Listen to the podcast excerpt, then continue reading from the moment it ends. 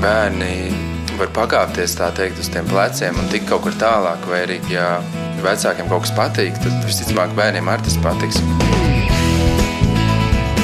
Mēs tiekamies ģimenes studijā.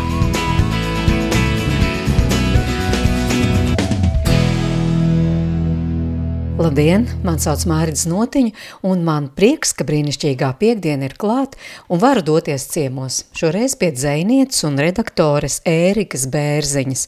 Ērika gan sarunā piemetina arī trīs bērnu mammas loma viņai tikpat svarīga. Tā ikdienai iedod papildus prieku un dzējoļu krājumi mammas dzējoļi, kā arī jaunākais, nu pat iznākušais ar Dievs bohēmai tapuši iedvesmojoties tieši ģimenes ikdienā.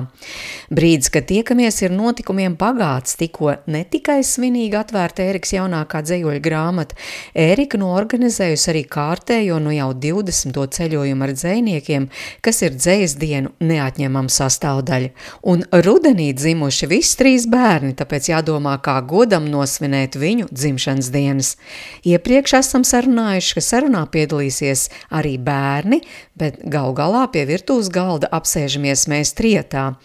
Arī Eriks meita 15 gadus vecā Alise, jo desmitgadīgais Hārdijs dodas spēlēt futbolu, bet jaunākais septiņgadīgais Ernesto aizņemts ar savām darīšanām, un mūsu saruna iesākas par Erikai tik īpašajām šī gada dzējas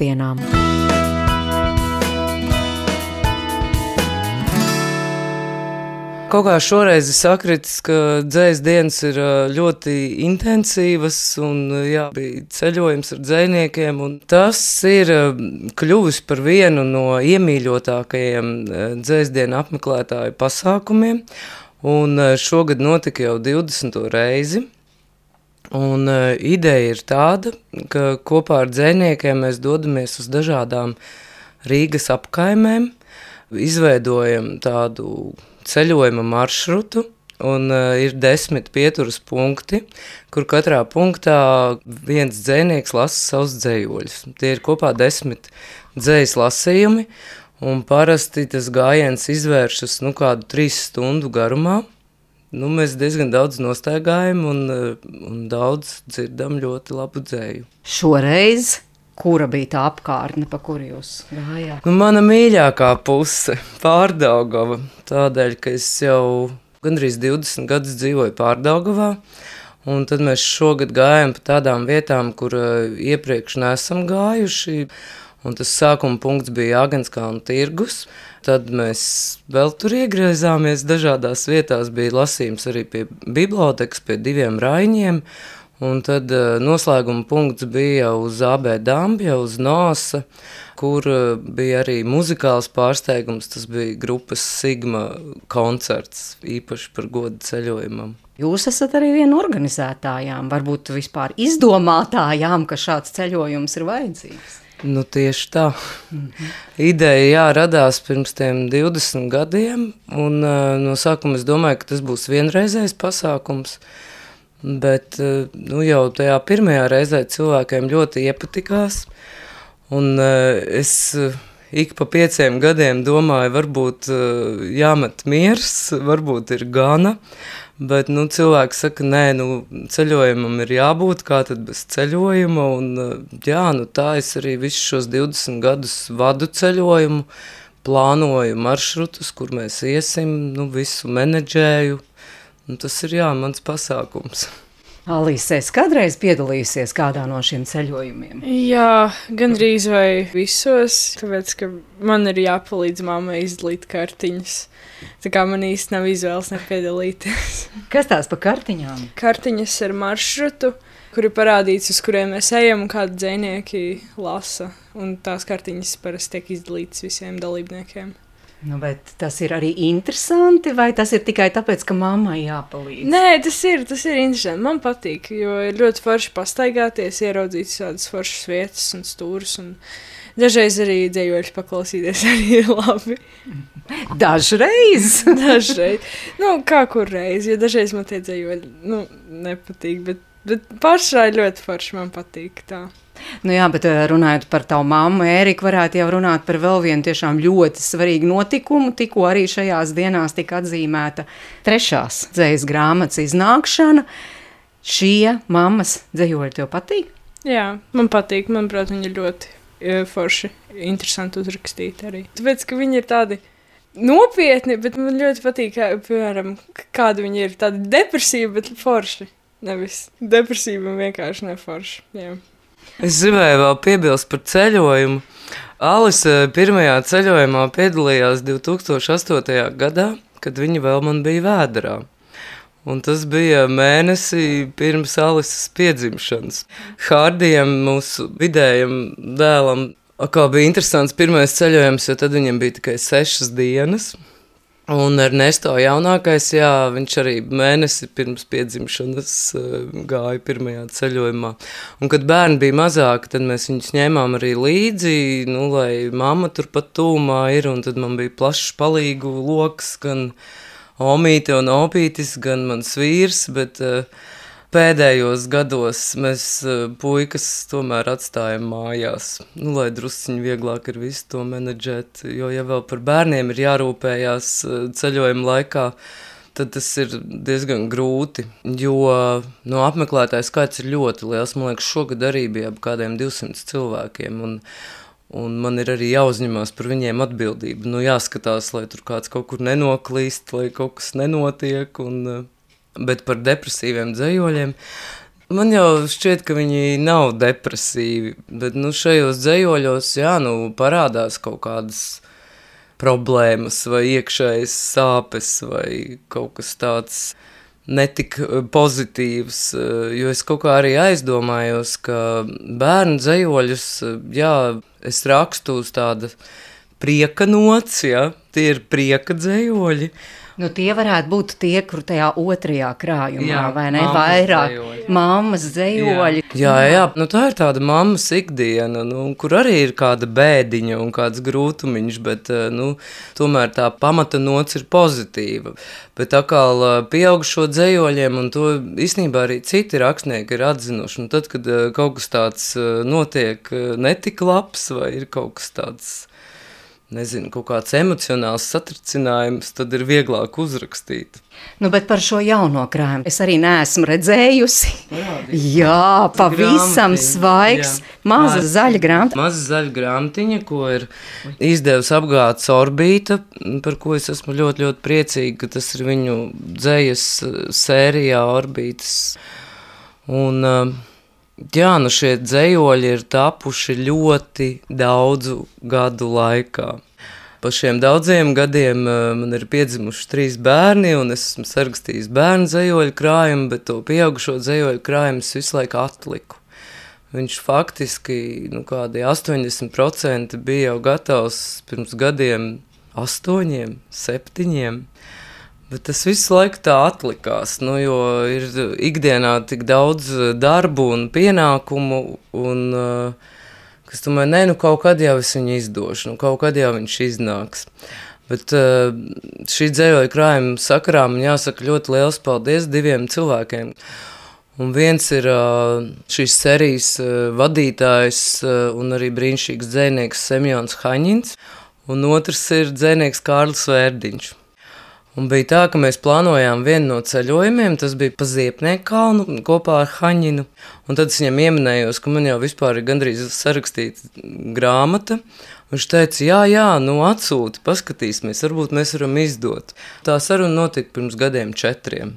Nu, protams, es atkal atliku. Tad es biju ierunājusies pirms gadiem diviem Kārlim Vērdiņam, jautājis, vai viņš varētu būt man krājuma redaktors. Viņš teica, jā, jā, atsūti man tos dzējoļus, bet es tā arī neaizsūtīju. Un tad šogad, eh, janvārī, janvāra sākumā, Kārlis man prasīja, nu, kas tad notiek ar tiem dzējoļiem. Es viņam aizsūtīju, un viņš jau man pēc nedēļas teica, ir labi, un atzinās, ka viņš jau ir aizsūtījis orbītai paskatīties. Un tā tas viss process sākās.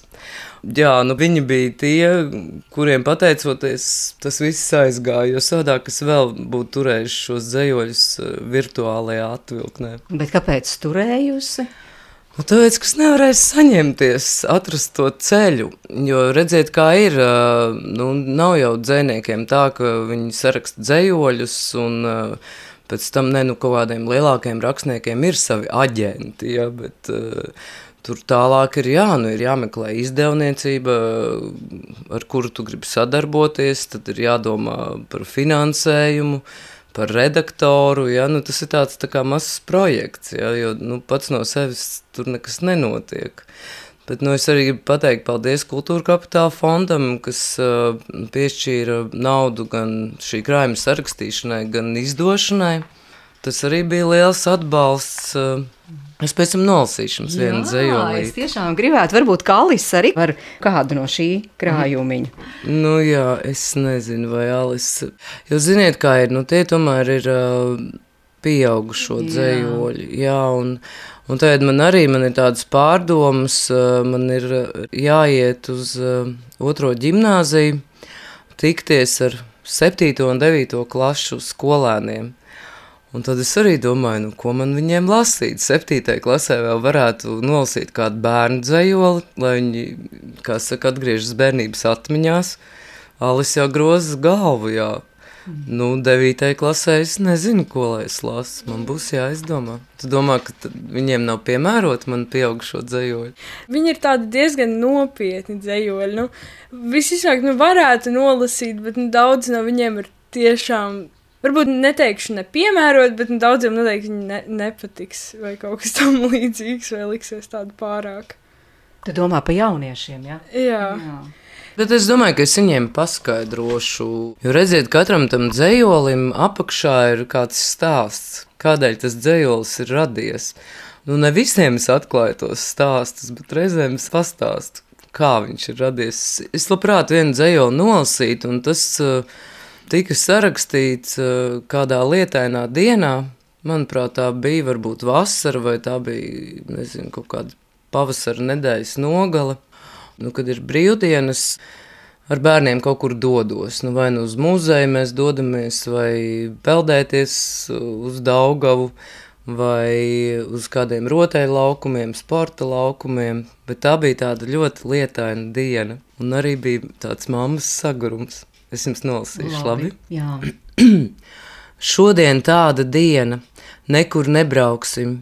Nē, dzelzceļa muzejs jau slēgts, uz dabas muzeju nepaspēsim. Lietus pārpludinājis pagalmu, priekšā logam pelēka siena. Nāc, noslaucīšu tev degunu, stērbelē, kleitas malā, priekšauta kabatā.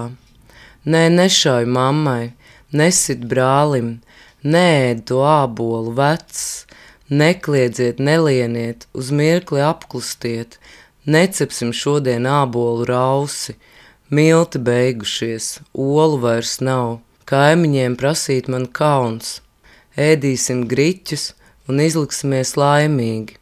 Ir tāds laimīgo ģimeņu fotofiltrs, viss krāsains un košs, kā rotaļlaukumā, ko vakar reklamēju sociālo tīklu timelīnā. Guļot, nesaklātā gultā, lasu svešu dzinieku dzēju, un liekas, šī diena nebeigsies nekad.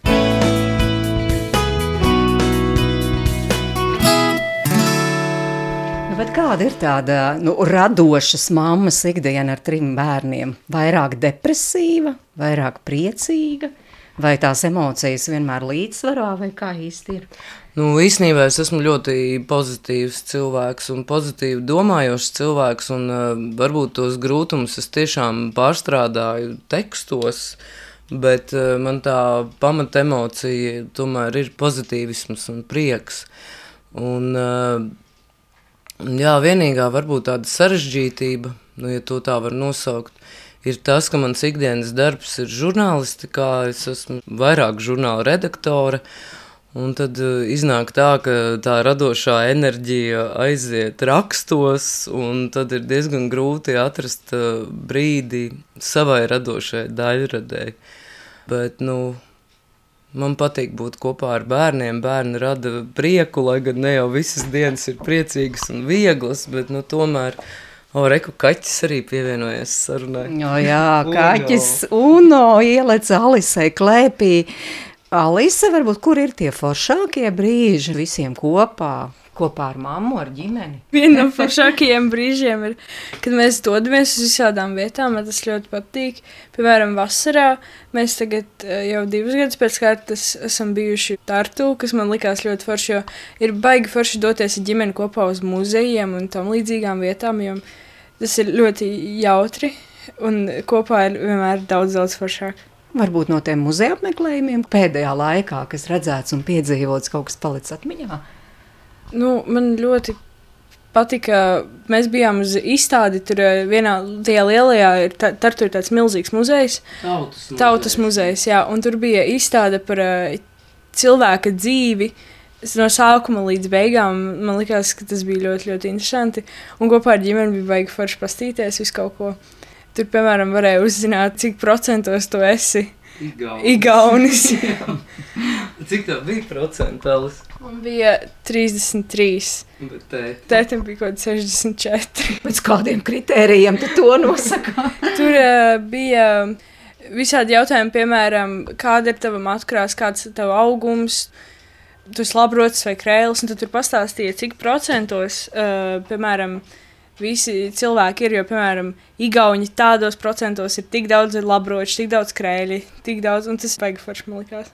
Bet tev vēl nav pienācis vecums, ka tu tā kā labāk viena un, un dari savas lietas, nevis kopā ar ģimeni. Nē, man ir tā, ka es daru arī lietas ar saviem draugiem. Es dodos vis kaut kur bez vecākiem, bet man arī patīk pavadīt laiku ar vecākiem. Man nav tā, ka es negribu pavadīt laiku ar vecākiem, vai es viņus ienīstu, vai kaut kas tamlīdzīgs. Tas tā forši, vai ne, Erika, to dzirdēt? Mm, jā, no mūsu mājas ir uh, atvērtas Alises draugiem, un Alise ir ļoti, ļoti forši draugi, tiešām jauki jaunieši, un man liekas, tas ir labi, ka pusaudzim, nu, ir nu, tādas mājas un ģimene, nu, kas nevis tur strostē viņus visu laiku, bet eh, kas ļauj tiem jauniešiem jā, padzīvoties, kaut ko padarīt. Nu, tagad ir ļoti topā vienam pie otra palikt pa nakti. Un, un es īstenībā arī ar daudzām Alises draudzenēm runājamies par visādām lietām, par nākotnes plāniem un vēl kaut ko. Un, Un ir um, Alisē viens draugs arī rakstīja dzējoļus, jā, un viņš man rādīja savus tekstus, un viņam bija svarīgi uzzināt manu viedokli. Nu, tā kā man arī ar jauniešiem patīk būt kopā. Bet, uh, Alise, tu taču arī esi pamēģinājusi rakstīt dzējoļus, mūziku? Nu, ja? Es esmu rakstījusi dzējoļus, kā nu, tekstu, dziesmu tekstu tādā ziņā, bet nu, vairāk par to es neesmu baigi rakstījusi, jo, nu, Man netraucēja uzrakstīt dzēju, bet es nedomāju, ka tas ir kaut kas tāds, kas mani ļoti aizrauja. Varbūt kā dziesmu tekstu, jā, tas ir interesanti, bet nu, kā dzējoļus tādus es neesmu baigi daudz rakstījusi. Nu, bet tas radošums, nu, tas, manuprāt, tevī cirkulē. Jā, mani aizrauja vairāk uh, māksla kā glaznošana un zīmēšana, tāpēc es eju arī rozīšu mākslas skolā, man patīk kaut kas tam līdzīgs un mūziku taisīt man arī patīk. Nu, nu jā, patiesībā mums uh, ir tāda, var teikt, Baldonas ielas republika. Uh, mums ir šeit daudz bērnu, kopā ir deviņi bērni. Kas ir vienā mājā? Jā, nu, vienā mm. pagāmā. Mēs visi ļoti draudzējamies savstarpēji. Mēs esam šeit visi pazīstami un draugi. Uh, Un uh, Alise ar savu bērnības draugu Jāni vēl arī iestudēja mājas izrādes. Tā tradīcija jau ir cik gadus, Alise? Piecus? Nē, tas ir kopš Jāņa septiņu gadu dzimšanas dienas, tad tas ir. Uh, Jānim palika 12. Seši gadi. Jānim jā. palika 13 šogad. 3. Seši gadi. Jā. jā, jā, seši gadi. Un jā, nu tas man liekas arī kaut kas fantastisks, jo tās izrādes kļūst ar vienu. Tehniski sarežģītākas. Ja, ir, ir priekškars, ir gaismas, ir gaismotājs un uh, skaņu meistars, ja, un ir pārģērbšanās. Un pēdējā izrāda, kā viņa saucās, Alis? Miršā vēstījums. Mēs, sakot, mēs paņēmām Šerloku Holmsu un mēs izdomājām viņu kā, citu piedzīvojumu, ko citu slepkavību noziegumu, ko viņa atrisina. Un mēs uzrakstījām scenāriju sākot no februāra un pabeidzām viņu uh, kaut kur pavasarī. Scenārijs bija 37 lapas garš. Nu, iespaidīgi, bet tā tad kā tas notiek? Jūs atnākat ciemos viens pie otra, Nu, tad rakstīsim tagad scenāriju. Jā. Nu, tas viss sākās ziemas brīvlaikā, virtuvē, tepat. Un tad mēs ar Jānu tur runājām, nu, mums jāuztais tev izrādes dzimšanas dienu. Un tad mēs sākām rakstīt, un Jānis, viņam šausmīgi patīk rakstīt, un tā visu latviešu valodas visur. Un tad, ja sakot, es tikai kaut ko tur teicu, viņš pats jau visu rakstīja, jo viņam tas ļoti, ļoti patīk. Un tad mums sanāca scenārijs. Nu, kurā vietā tieši notiek tā izrāde? Ja tas ir ar priekškaru, ar gaismām, kā Erika saka. Lejā Jāņa dzīvoklī, jo viņam ir vienkārši sakot, divi dzīvokļi vienā. Viņam ir sienā izsis caurums, kā, lai savienot viņus abus kopā. Jā, plašas telpas. Un viss fantastiskākais ir, ka viņi arī izgatavo biļetes. Jā, un biļetes ir ar QR kodu, jā, kuras tad uh, brālis Hārdijs ir uh, parasti biļešu kontrolieris, pārbaudītājs. Jā, un, uh, Tas ir vesels tāds nopietns pasākums, bet interesanti bija tas, ka jā, to scenāriju viņi rakstīja pilnīgi patstāvīgi. Un uh, es tur netiku iesaistīta, ja, jo reizēm jau mammai gribās iebāzt degunu, ja, bet uh, tas mums visiem šī izrāde bija pārsteigums. Bet tiešām fantastisks arī tad, kad nācu, kaut kā atvēra jūsu mājas durvis, nācu. Kaut kā viss ir tāds, man liekas, ka es esmu nokļuvusi nu, kaut kur savā bērnībā. Nu, jā, te ir eh, gandrīz kā laukos, eh, un kā manā bērnībā, jo nu, pagalmā aug vecas ābeles, tur ir šķūnīši, bērni spēlē bumbu. Kad mazāki bija, tad eh, arī mēs tur dzīvojām, mēs pagalmā un bieži vien Vasarās mums tur arī tāds galdiņš ir un krēsliņi. Es iznesu lielo zupas katlu, un tad visi mani bērni un kaimiņu bērni kopā ēda zupu kas, protams, brīvā dabā ārā garšo labāk. Un, ja viens ēdēji pārējie ēd, jā, jā, mums ir ļoti tāda sirsnīga tā pagāma dzīve, un ziemā ir atkal pikošanās, un tiek sniega mājas celtas. Un, bērni var iziet ārā, un tagad, ja viņi ir paaugušies, viņi jau var arī bez vecāku pieskatīšanas pagāmu teritorijā padzīvoties. Man liekas, tā ir tā īstā bērnība, ka tu vari dzīvoties tādā dabiskā vidē. Alise novērtē? Jā, man tas liekas ļoti forši.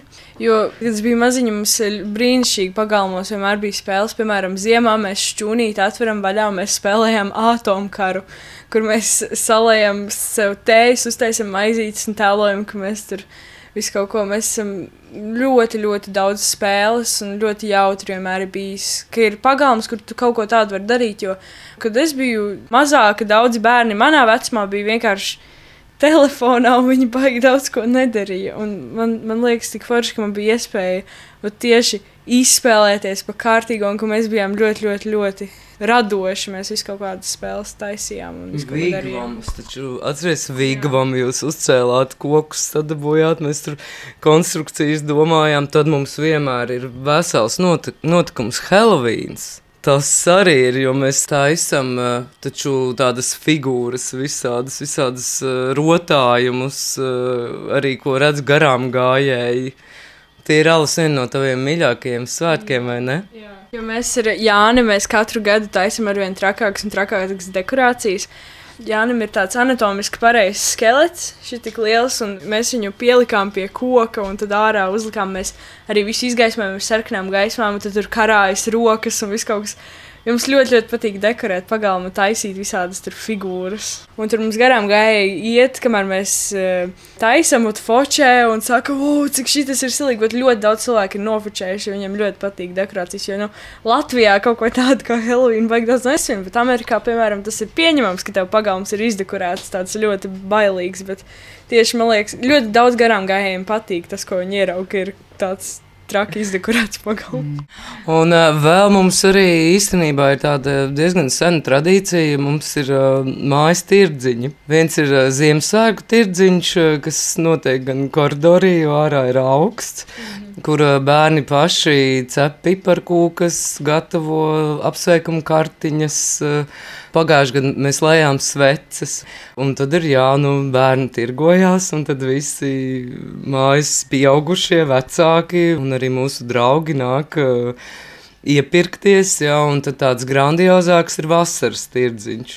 Kur reizēm arī atnāk uh, blakus mājas kaimiņi, un, uh, un, un tad jā, mums ir vasaras kafēnīca, un tur mums ir bijuši arī, kas šķūnītī var uh, bērnu filmētās filmas skatīties, vai Jānis bija vienreiz, viņam bija ēnu teātris uztaisīts. Nu, tā kā jā, tas, tas radošais ir ļoti, ļoti forši. Ah, un jūs vēl vienbrīd izdevāt mājas avīzi. Jā, tas bija, tas bija ļoti sen, bet tā bija avīze Runcis Zābakos vai kaut kas tam līdzīgs, un kur mēs izdevām.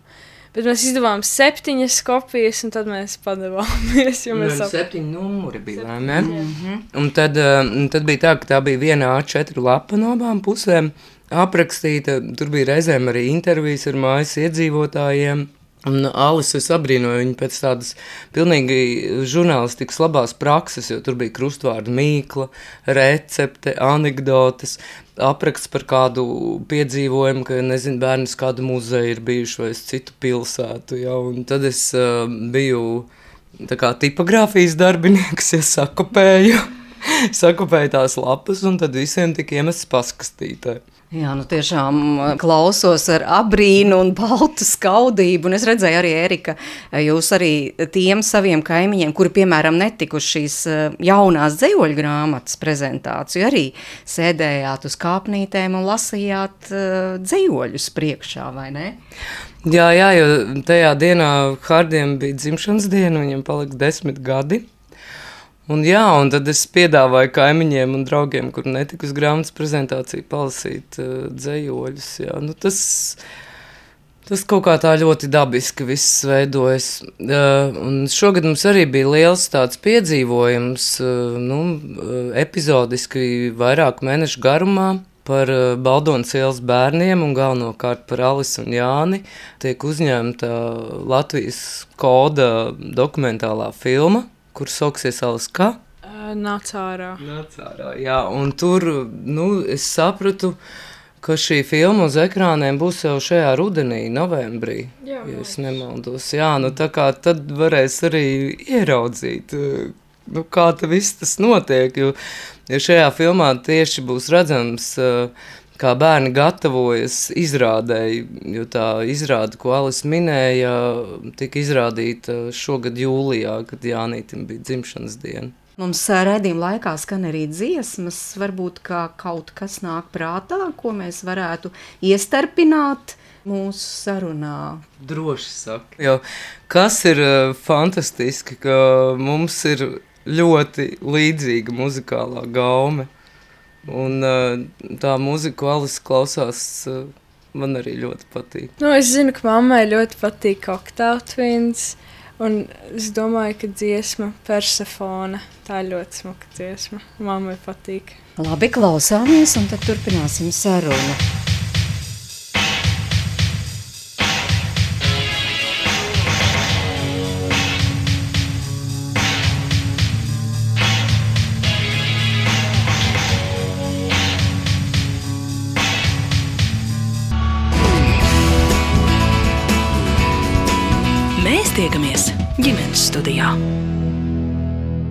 Es atgādinu mūsu klausītājiem, tātad šodien ģimenes studija ciemojas pie Ērikas Bērziņas.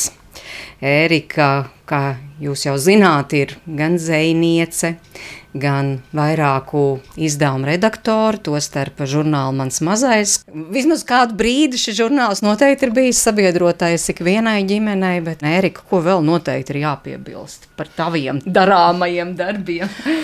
Nu, es nezinu, Nē, nu, man liekas, tas ir galv nu, galvenais. Jā, es esmu mamma, redaktore un zvejniece. Jā. Un uh, man tiešām liels, liels prieks, ka šajā sarunā piedalās arī Ēriks. Vecākā meita, Alise, bet tā tad jaunākie puikas. Viens ir turpat istabā, bet negrib iesaistīties mūsu sarunā, otrs aizdevās uz, uz futbolu. Bet, uh, nu, te izklausās viss tā ļoti rožaini, cik forši ir dzīve ar trīs bērniem un kā to no sirds var izbaudīt. Bet ir kaut kas arī, kas ir grūti. Nu, Tēģā man šķiet, ka nekas nav grūti. Nu, grūti bija pēc vasaras atgriezties skolas ritmā. Jā, nu, vasarā bērni dzīvoja diezgan brīvā režīmā. Un es arī varēju celties uh, vēlāk, ja mans rīts sākās pusseptiņos no rīta, un uh, pirmajā nedēļā tas bija diezgan liels izaicinājums. Bet bērni malači kaut kā arī labi cēlās un visu, nu, nu jo tas rīta ritms ir ļoti svarīgs. Tā, kā, kāds ir rīts, no tā arī ir atkarīgs, kāda būs pārējā diena.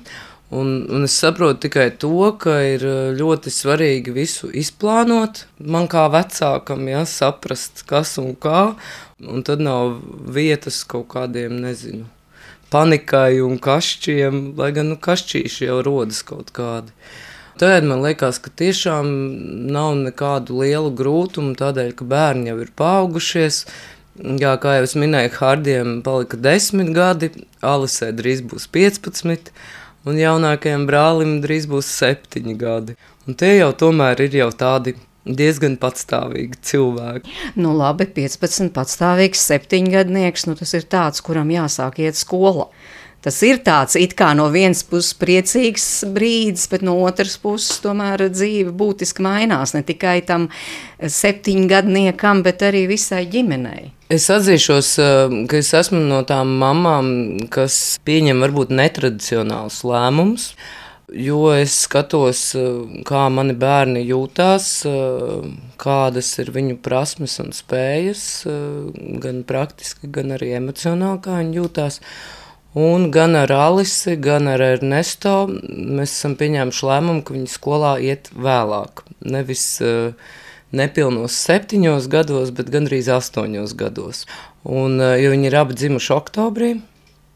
Un tagad es redzu, ka Alise arī sāk iet skolā, kad viņai bija 7 gadi un 11 mēneši. Bet es domāju, tas ir nācis tev par labu, Alise, vai ne? Jā, man liekas, tas bija pat daudz labāk. Jo tad man nebija tik liels, es teikšu, stress. Jo, ja es sāktu ātrāk, man būtu bijis grūtāk, daudz grūtāk.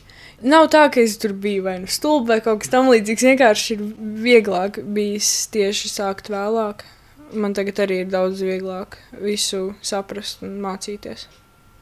Nu, tādā ziņā, ka tu vairāk emocionāli esi nobriedusi tai skolai, jā? Jā, jo, nu, paskatoties uz Ernesto, es saprotu, nu, kā var tādu palaist vēl uz skolu, jo nu, tu vēl esi galīgi maziņš, nu, kur tu vēl mācīsies tagad visu, jo skola ir grūta lieta, skola ir diezgan arī daudz stresa un daudz kas atbildība liela, un kur nu tādu vēl laist, nu, tas nu, nav labi. Nav labi. un, jā, nu, tā globāli skatoties, nu, tas viens gads pēc tam pieaugušo dzīvē nu, neko daudz nenozīmē. Vai tu esi skolu pabeidzis 18 gados vai 19 gados. Bet uh, mazam bērnam, ja, kurš emocionāli nav nobriedis skolai, slodzēji tādai pilnīgi citam režīmam, tas ir ļoti izšķiroši. Jā, tāpēc ar Nesto vēl šogad neiet skolā. Jā, tā jums vēl tas laimīgais bērnu dārza laiks arī šogad. jā, bet es arī redzu to, ka eh, jā, tur ir tā, ka notiek tas klikšķis un tie bērni ap tiem septiņiem gadiem, viņiem mainās uh, uztvere un domāšana un, Un Ernesto šogad iet eh, burtiņu skolā. Viņš kārtīgāk apgūs burtus un lasīšanu. Jo visi mani bērni ir gājuši brīnišķīgā burtiņu skolā, kas ir tepat pārdagavā, Agenskalna mazajā burtiņu skolā. Tur ir brīnišķīga skolotāja Rūta, kura jau vairāk nekā 30 gadus nodarbojas ar to, ka viņa tādā rotaļīgā un attraktīvā veidā bērnus iepazīstina ar burtiņiem un iemāca viņiem lasīt. Un eh, tās nodarbības ir tik brīnišķīgas. Man liekas, tu Alis joprojām atceries, vai ne? Pastāstiet, Pastāsti, no es atceros, ka mēs visi sēdējām uz lielās čūskas. Es saku, mēs darījām visādas spēles. Tas nebija tāds, ka tu piesēdies un tev liek lasīt. Jo es gāju pirms tam vienā citā bērnu dārzā, kad es biju galīgi maziņa. Un tur bija tā, ka tur bija burtnīca, un tev bija jādara darbi, un tas bija diezgan bēdīgi, neforši man nepatika.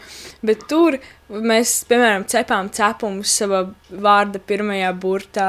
Mēs spēlējām visādas spēles, rotaļas un iegaumējām tur alfabētu un rakstīšanu, lasīšanu. Bet līdz ar to arī tā lasīšana varbūt tagad, piemēram, liekas kaut kas foršs, nevis kaut kas stulbs. No, nu, ar to lasīšanu iet kā iet. Jā, jā bija bija ļoti jāpiestrādā. Bet tu Alis to izdarīji. Tu izlasīji biezu grāmatu, bet nu, tur vajadzēja jādrusciņ to vecāku kontroli. Bet nu, man prieks par Hārdiju, kuram šovasar atvērās tas lasīšanas fails.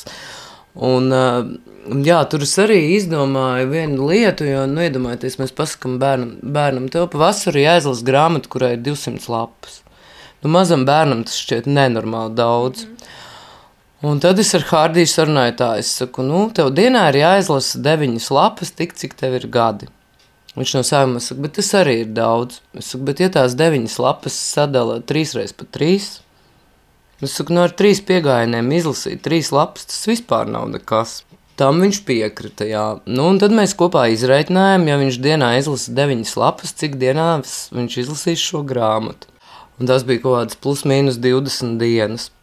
Un tad vienā brīdī viņam tā iepatikās šī grāmata, un tā ir grāmata par Pepiju Gārzeķi. Mm ka viņš dienā lasīja 30 un 40 lapas. Ja, un tas redz arī, nu, jāizdomā ir kaut kāda nu, tāda.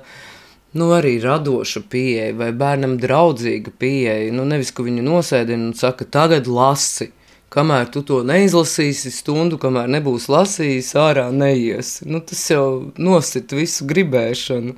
Nu jā, bet ir vēl kāds neparasts lēmums, un domājot tieši kā jūs virzāt savus bērnus. Jo, Erika, jūs teicāt, tad varbūt mazliet netradicionāli tas, ka tā tad vēlāk skolā nekā agrāk ir vēl kaut kas tāds, ko varētu teikt, nu, nav gluži tā kā ierasts. Nu, varbūt tas eh, arī citiem nav tik ierasts, bet nu, man bērni mācās Valdorfu skolā, kur ir uh, cita pieeja mācību procesam, kas man ir arī ļoti tuva. Tur Alis varētu vairāk pastāstīt, bet nu, viens ir jā, ka pirmajās klasēs eh, principā nav mājas darbu. Tas gan nenozīmē, ka bērni nemācās. Viņiem ir arī eh, cita veida burtnīcas, nav tādas tradicionālās uzdevuma burtnīcas. Man ir liels prieks, ka jau no pirmajām klasēm gan puišiem, gan meitenēm ir rokdarbi. Hārdijs, piemēram, atklāja, ka viņam ļoti patīk adīt, kas daudziem liekas tāds priekšstats, un ko tad puisis ada. Bet uh, faktiski nē, nu, tas uh, uzlabo šo sīko motoriku, kas ir vajadzīga gan smadzeņu attīstībai, gan rakstīšanai, gan visam pārējam. Jā, nu, daudziem joprojām sabiedrībā ir aizspriedumi par Valdorfu pedagoģiju. Bet nu, Alas pastāst, kā ir mācīties Valdorfu skolā? Valdorfu skola ir burtiski tāda pati kā citas skolas. Tikai tas, ka pirmajās klasēs, ot, sākumā ir eh, vairāk nevis tas, ko tu dari uz lapas, bet vairāk tev fiziski parāda. Piemēram, mēs devāmies dabā, mums rādīja visādas lietas, kā vairāk uztaisīt. Nevis mēs pierakstam, kā tas dara, mēs to paši izdarām. Jo daudzi saka, ka valsts skolā neko nedara, bet tagad nu, ir grūti. Es eju tagad 8. klasē. Nu, mums ir, mums ir mājas darbi, mums ir pieraksts, mums ir uzdevumi, mums ir viss. Bet Tādā ziņā man, man liekas, ir labi, ka pirmajās klasēs viņi tev parāda, ka skola nav pat taisna uzreiz pieraksti dari. Bet vairāk uh, fiziski mēs darījām lietas un uzzinājām visu kaut ko, kas vispār ļoti palīdz. Nu jā, ir vēl tāds stereotips, ka skolā var sūtīt, ja jūs skaidri zināt, ka jūsu bērns tur būs mākslinieks, piemēram. Nu, tā, tāds stereotips. Nu, nē, nē, jo īstenībā jau Hardijs pagājušajā gadā mācījās trešajā klasē. Tur ir ļoti daudz un nopietna matemātika. Es arī dabūju matemātiku pamācīties.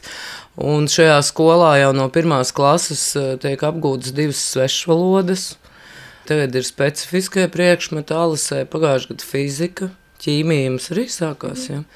Jā, nu tā kā mācīšanās process ir pietiekami nopietns. Ja? Tie ir tādi, nu, ka liekas, ka viņi neko nedara, vai ka bērni tur var darīt to, ko viņi vēlas. Nu, absolūti tā nav, jo tur ir sava kārtība, sava sistēma.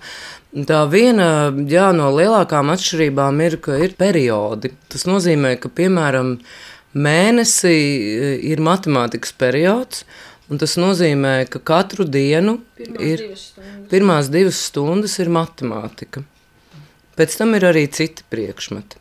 Bet tas ir tā, ka bērns paņem un e, kārtīgi apgūst šo vienu priekšmetu. Nu, nevis, ka matemātika ir divreiz nedēļā, Bet kad patiešām var iedziļināties, un pēc tam seko nākamais periods, latviešu valoda, un tad viņi atkārtojas. Bet tas tev ir palīdzējis, Alis, labāk izprast. Jā, tas palīdz, jo matemātikā ir ļoti daudz, kas jāiegūst. Piemēram, pagājušajā gadā mums bija šausmīgi, šausmīgi daudz tēmas. Jo mums jau tā ir vienkārši nedēļā matemātika ielikt kā viena no tām stundām, bet plus, ja kad ir tas periods, tas ļoti palīdz apgūt. Un īpaši tagad mums ir ļoti, ļoti labi skolotāji, kas visu paskaidro pa kārtīgo, un tas ļoti palīdz. Jo tiešām, ja būtu tikai reizi nedēļā matemātika, tad mēs neko neapgūtu. Jo tā jau bija ļoti, ļoti grūti apgūt. Ļoti, ļoti daudz tēmas. Manuprāt, vecāka dzīve ir šajā ziņā kļuvusi sarežģītāka. Agrāk bija viss ļoti skaidrs, skolas neko neatšķiras. Tagad vecākiem vairāk ir jādomā, tātad, kurā skolā laidīšu savu bērnu, tā sauktajā parastajā, vai Valdorā skolā, vai Montesori pedagoģija. Nu, vismaz Rīgas vecākiem ir tā iespēja, kas visā šajā palīdz orientēties orientēties? Nu, patiesībā ceļš uz Valdorfu pedagoģiju mūsu ģimenes gadījumā sākās ar nejaušību. Jo agrāk mēs dzīvojām uz Agenskalna ielas, un tur blakus ir brīnišķīgs bērndārs Spriedīte, kas bija vistuvākais bērndārs mūsu mājām. Un, kad piedzima Alisa, es viņu pierakstīju šajā bērndārzā. Un, uh, es nemaz nezināju, jo Rīgā ir divi bērnu dārzi. Viens ir uh, pie Rīgas Valdorfa skolas, uh, un otrs ar Valdorfa pedagoģijas iezīmēm ir bērnu dārzs spriedīt. Un tajā brīdī es jau nemaz to nezināju. Un Alisa gan uh, uzreiz nu, viņu neuzņēma šajā dārziņā, jo viņš ir ļoti pieprasīts. Uh, Bet jau tad, eh, bērnu dārza laikā, jā, nu, es iepazinu nu, tādu citādu pedagoģisko pieeju, jo, pieņemsim, šajā bērnu dārzā bērni nespēlējas ar eh, plasmasas rotaļlietām. Viņi daudzas rotaļlietas eh, gatavo arī paši, vai tās ir no dabiskiem materiāliem. Uh, jau Valdorfa dārziņā ir uh, ļoti daudz lomu spēles, vai ne, un rotaļas, un viss kaut kas tāds. Viņi ļoti daudz dzīvojas ārā. Uh, un uh, mācās arī mūziku, bet nu, tas nav tā, ka tur, nezinu, fonā skan kaut kāds disks ar dziesmiņām un bērni dzied pa tā ir, paldies skolotājai Regīnai, ja, jo viņi spēlē klavieres un vijoli un bērni apgūst jau tur arī instrumentus dažādus spēlē un jau iepazīstot to vidi, ja, un tur ir arī jauktā vecuma grupas, lai bērni brāļi ar māsām var uh, mācīties kopā, ja, un tas ir tāda, tāda ģimeniska tā atmosfēra. Un tad, jā, nu, tad es sapratu, ka tas nākamais ceļa posms ir uh, Valdorfa skola. Un man ir uh, tiešām būtiski, lai bērni apgūst visas tās nepieciešamās zināšanas, kas, protams, tas pamats ir ļoti, ļoti svarīgs, bet lai skola viņus nesalauž, Un otrs, kas man šķiet, ka ļoti daudzās centra skolās jau no pirmajām klasēm tiek uh, bērns virzīts uz tādu līderismu, ka tev ir jābūt uh, vislabākajam, ja ir viss tiek virzīts uz rezultātiem. Un tad uh, noteikti tā, ka tie bērni jau pirmajās klasēs izdeg, jo viņiem ir ļoti daudz pienākumu un uh, Viņiem ir jābūt labākajiem, ar vislabākajām atzīmēm, bet jautājums, ko viņi no tās zubrīšanās, pat var teikt, no tās nenormāli intensīvās mācīšanās, ko viņi atcerās. Jo tā arī ir reizēm, kad tu mācies, mācies, jo tu zini, ka vajag, bet ir būtiski tā izpratne.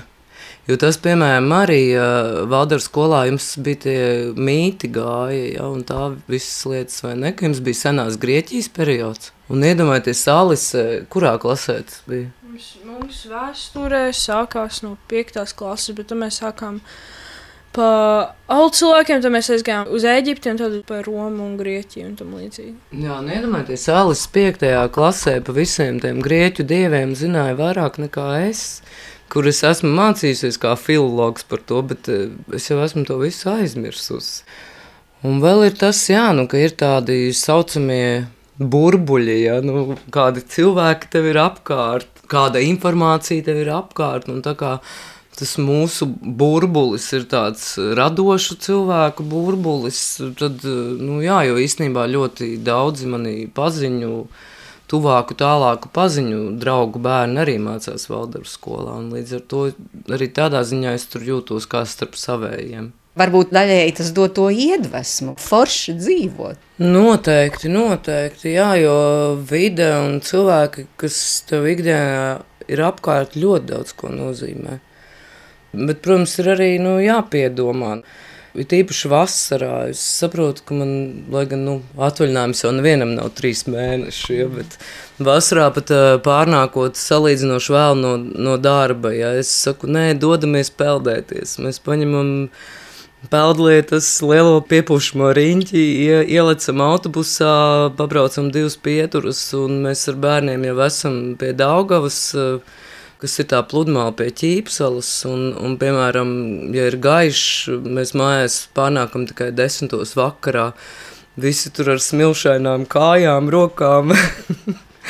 nopeldējušies un priecīgi. Nu, tas ir tas foršais. Ja? Nu, nevis, kad uh, teorētiski vajadzētu būt tā, ka es atnāku mājās, tad ir kārtīgi jāpēd, vēl kaut kas jāizdara, bet nu, ka vajag vismaz uh, vasarā vai brīvlaikos nu, salauzt to stingro rutīnu ja? un, un ļauties uh, izbaudīt dzīvi. Jo, Es arī domāju par to, cik būtiskas ir tās bērnības atmiņas, jo tas arī ir nu, rada kaut kādu to laimības sajūtu, ka jā, ar vecākiem varēja visu kaut kur doties, ar vecākiem tev bija piedzīvojumi, ka vecāki pilda savus solījumus, vēl ka kopā ar vecākiem var priecāties. Jo bieži vien daudziem ir jānotur skola, un viss tur bija jādara, un vēl kaut kas, un vēl kaut kas. Un tāpēc es gribu, lai maniem bērniem ir tādas uh, priecīgas bērnības atmiņas. Es ceru, ka būs alas vai ne? Ir jau, ir jau. Ir ļoti labi. Nu, tiešām es arī tā iedvesmojos jūsos klausoties un Un, diemžēl skatos arī pulkstenī, ka apmēram stunda ir pagājusi, kopš mēs runājamies. Bet uh, arī raidījuma izskaņā parasti ir dziesma. Varbūt tiešām kaut ko tādās foršās, priecīgās noskaņās, kas varētu Prot. skanēt.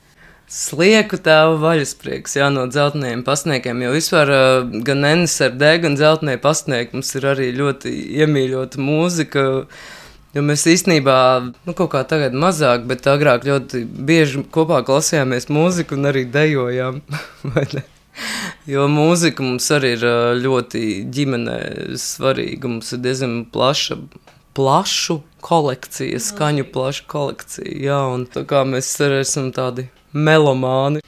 Nu, tad klausāmies. Un tiešām paldies par šo sarunu. Es domāju, ka tas bija tikai tāds mazs, mazs ieskats. Uh, Bērziņu ģimenes ikdienā, par ko stāstīja Ērika Bērziņa un Alisa Bērziņa. Paldies jums par šo sarunu, saka ģimenes studijas komanda, gan Sarmīta Kolāte, mūsu raidījuma producente, gan arī Dzenora Mitspapa, kas palīdz ar raidījumu labskaņu, un arī es Mairīdz Notiņa. Tiešām no sirds jums paldies, un lai jums priecīga diena tiem, kas klausāties. Visu labu!